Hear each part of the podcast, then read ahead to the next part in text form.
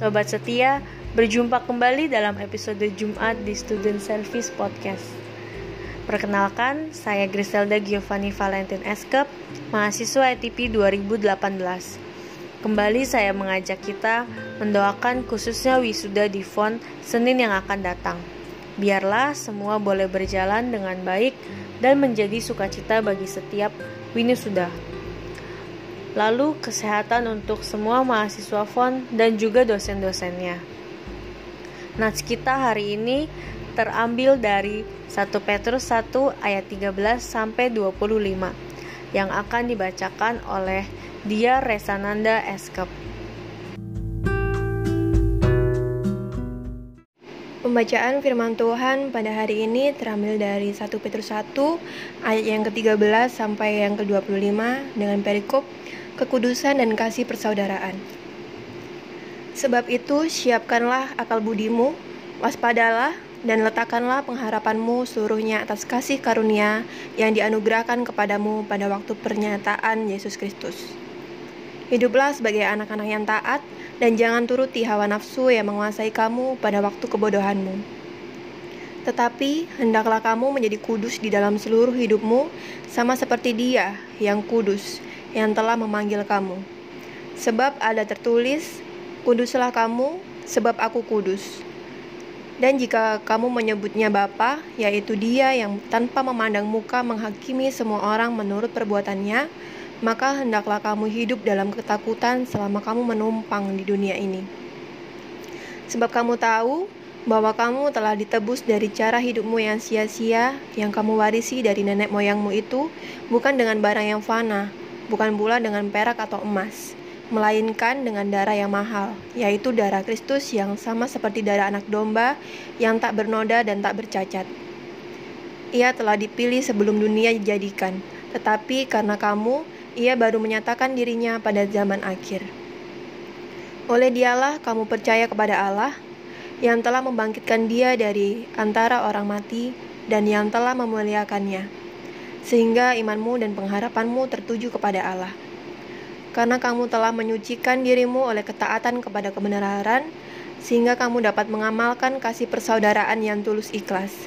Hendaklah kamu bersungguh-sungguh saling mengasihi dengan segenap hatimu, karena kamu telah dilahirkan kembali bukan dari benih yang fana, tetapi dari benih yang tidak fana, oleh firman Allah yang hidup dan yang kekal. Sebab semua yang hidup adalah seperti rumput, dan segala kemuliaannya seperti bunga rumput. Rumput menjadi kering dan bunga gugur. Tetapi firman Tuhan tetap untuk selama-lamanya. Inilah firman yang disampaikan Injil kepada kamu.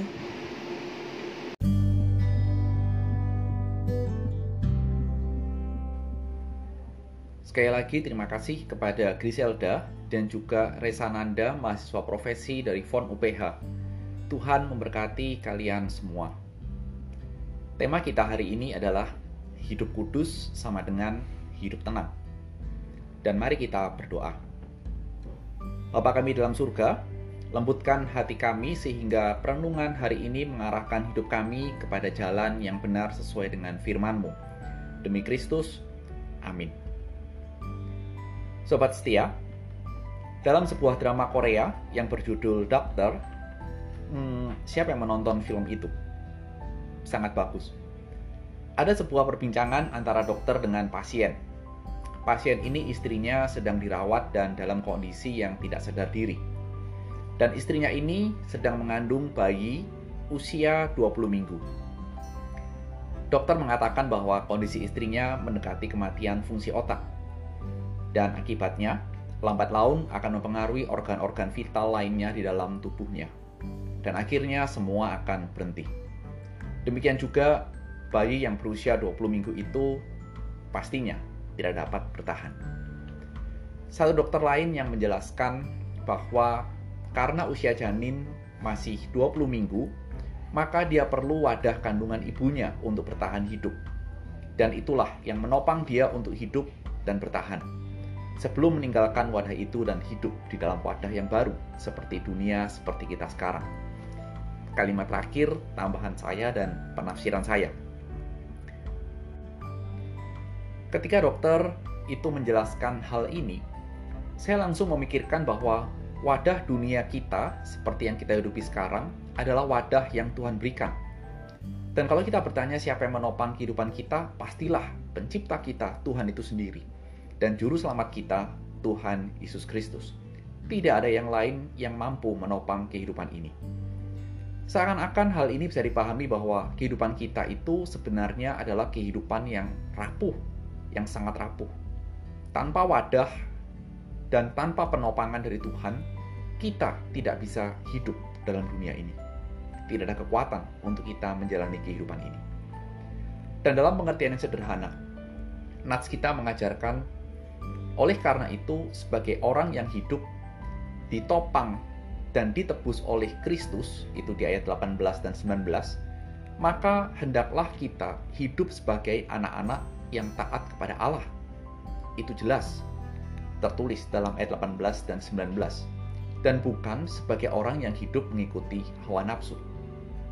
Sobat setia, landasan ini paling tidak adalah karena hidup kita ada dalam wadah yang Tuhan berikan dan ditopang oleh Tuhan. Dan mari kita bertanya. Satu pertanyaan lain berkaitan dengan surat 1 Petrus ini. Mengapa Rasul Petrus menekankan hal ini kepada pembacanya dan juga kepada kita? Salah satu pergumulan hidup dalam dunia ini yang paling sulit adalah manusia tidak menuruti hawa nafsunya, tidak menuruti keinginan daging atau keinginan hidup kita. Hal ini bisa dipahami dengan mungkin menuruti gaya hidup yang bebas yang kita mau. Apa saja boleh, dan ujung-ujungnya, kalau hidup seperti itu adalah tidak lagi peduli dengan dosa. Yang penting adalah hidup enak, hidup nyaman, termasuk melampiaskan hawa nafsu, seksmu. Dan engkau juga mungkin berani berkorupsi, berani melakukan apa pun demi karir dan pendapatanmu tiap bulan. Sobat setia, mungkin itu salah satu pergumulan yang berat dalam hidup kita. Tapi kalau kita hidup ditopang oleh Allah, kita harus menyadari bahwa kehidupan seperti itu tidak selaras dengan natur Allah yang kudus. Perhatikan, Allah adalah kudus. Sehingga kita sebagai umat tebusan Allah harus hidup kudus. Itu muncul di ayat yang ke-6. Maksudnya di ayat yang ke-16. Sehingga mari kita bertanya lebih lanjut lagi. Saya tahu bahwa saya harus hidup kudus. Tapi mungkin kita bertanya untuk apa? Apa tujuannya? ini hidup dalam dalam dunia yang berdosa loh. Semuanya tercemar oleh dosa. Bukankah nanti jadi aneh, jadi satu-satunya orang yang hidup kudus? Sobat setia, saya akan menjawab pertanyaan dan pergumulan ini secara praktis dan berdasarkan dari pengalaman saya. Bahwa ketika kita hidup kudus, sering kali terlihat kita tidak bisa menikmati apa yang ada dalam dunia ini. Terlihat mungkin seperti kurang gaul, seperti aneh, nyeleneh, beda sendiri, dan sebagainya. Namun, bila kita hidup kudus, yakinlah bahwa hidup terasa tenang. Karena apa? Karena engkau tidak melakukan kesalahan, tidak melakukan pelanggaran, baik di mata masyarakat dan juga khususnya di hadapan Tuhan. Bukankah ketenangan itu yang engkau cari? Bukankah kedamaian itu yang manusia butuhkan dan bukankah kita perlu hidup tenang dalam kehidupan yang penuh dengan dinamika yang tidak karu-karuan ini? Bukankah itu yang kita butuhkan? Sobat setia, kita hidup di wadah yang Tuhan telah sediakan, ditopang oleh kasih dan anugerah Tuhan.